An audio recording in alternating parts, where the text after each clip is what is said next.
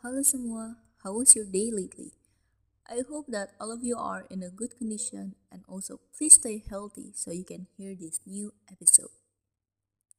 Belakangan ini lagi ramai banget soal kasus Omicron yang menyebar di Indonesia. And here is my story with a really special partner, COVID-19. So, aku sama sekali nggak expect kalau aku bakal ada di sini. Di tempat yang sama sekali nggak pernah aku bayangin bahwa aku akan menjadi salah satu penghuninya. This world is so cruel. This world is unfair. And I'm sure that I'm not the only one who thinks like that. You guys too, right? Sejak tadi aku cuma bisa menahan rasa marah dan sedih yang udah nggak bisa dijelaskan lagi. Dan apa yang bisa aku lakukan? Aku hanya bersembunyi di balik bantal dan selimut yang benar-benar asing di kulitku.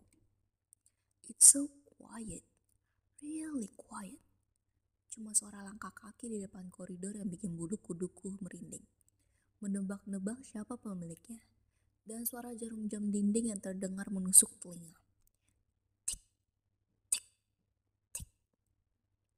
Malam semakin larut.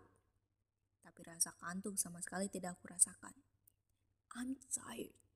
So tired. Ingin langsung tertidur nyenyak seperti malam-malam sebelumnya. But guess what? I can't. Sudah seminggu aku ada di sini. Apakah aku sudah beradaptasi? Jangan ditanya lagi. Bahkan kalau aku harus ada di tempat ini seumur hidup, aku rasa aku tetap nggak akan bisa beradaptasi. Aku bisa gila. Oke, okay, wait, wait a second. Mungkin beberapa dari kalian heran apa yang sebenarnya aku alami. Kenapa dari tadi aku cuma mengeluh dan marah-marah aja? Well, sorry about that. Aku memang gak menjelaskannya dari awal sih. Oke, okay, so here it is. Sekarang aku sedang terbaring di ruang isolasi salah satu rumah sakit di kotaku. Yap, kalian gak salah dengar kok. Di ruang isolasi, di rumah sakit di kotaku. Seminggu yang lalu, aku dinyatakan positif COVID-19. Ya, penyakit itu. Penyakit mematikan yang menimbulkan wabah di seluruh penjuru dunia. Awalnya aku merasa nggak ada yang salah sama diriku.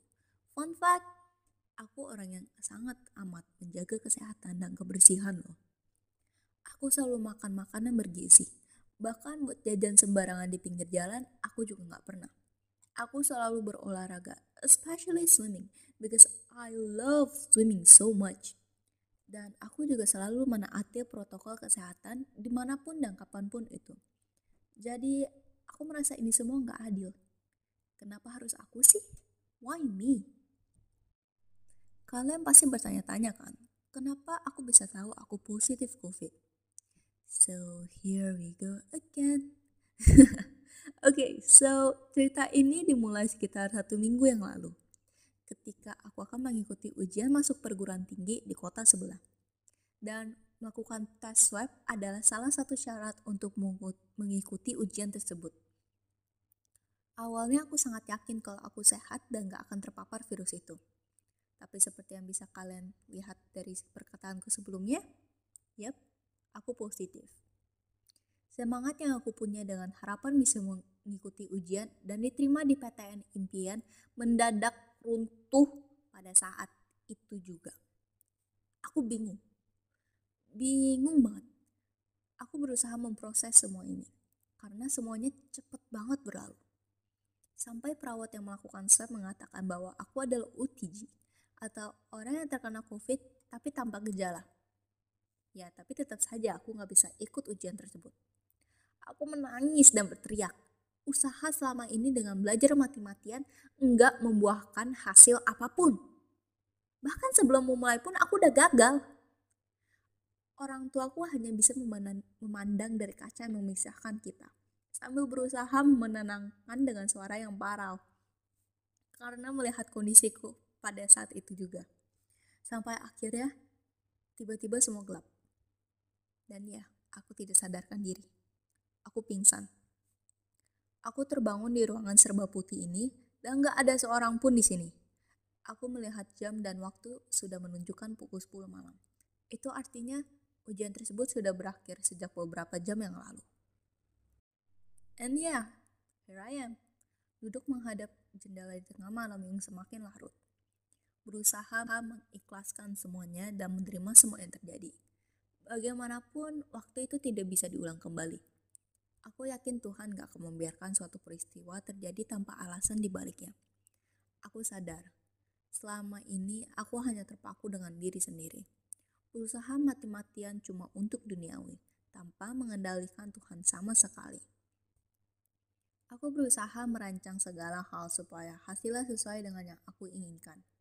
Dan melalui peristiwa ini, aku disadarkan bahwa sebagai manusia, kita nggak bisa menentukan apa yang akan terjadi di hidup kita.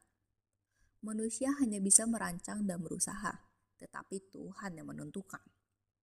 To be honest, it sucks. But what can we do? Nothing. Teman-teman semua yang sedang mendengar ceritaku saat ini, Bersyukurlah jika kalian ada di kondisi yang sehat, masih bisa beristirahat secara nyaman di kamar sendiri, dan dikelilingi oleh orang-orang yang menyayangi kalian. Virus ini tidak mengenal who you are, where you're from, or what your personalities are. Semua orang dapat terpapar. Yang bisa kita lakukan hanya berusaha untuk selalu menjaga kesehatan, kebersihan, dan selalu melaksanakan protokol kesehatan. And the most important part is praying. Berdoa. Selalu andalkan Tuhan di hidupmu. Jangan sampai merasakan pengalaman yang aku rasakan saat ini. Doakan aku supaya cepat sembuh dan dapat kembali beraktivitas, beraktivitas lagi ya. Thank you so much sudah mendengarkan ceritaku dari awal sampai akhir. Sampai jumpa di lain kesempatan. Dadah! Cerita ini hanya fiktif belaka. Jika ada kesamaan nama tokoh, tempat, kejadian, ataupun cerita, itu adalah kebetulan semata dan tidak ada unsur kesengajaan. The story is written by Morilla Ardelia.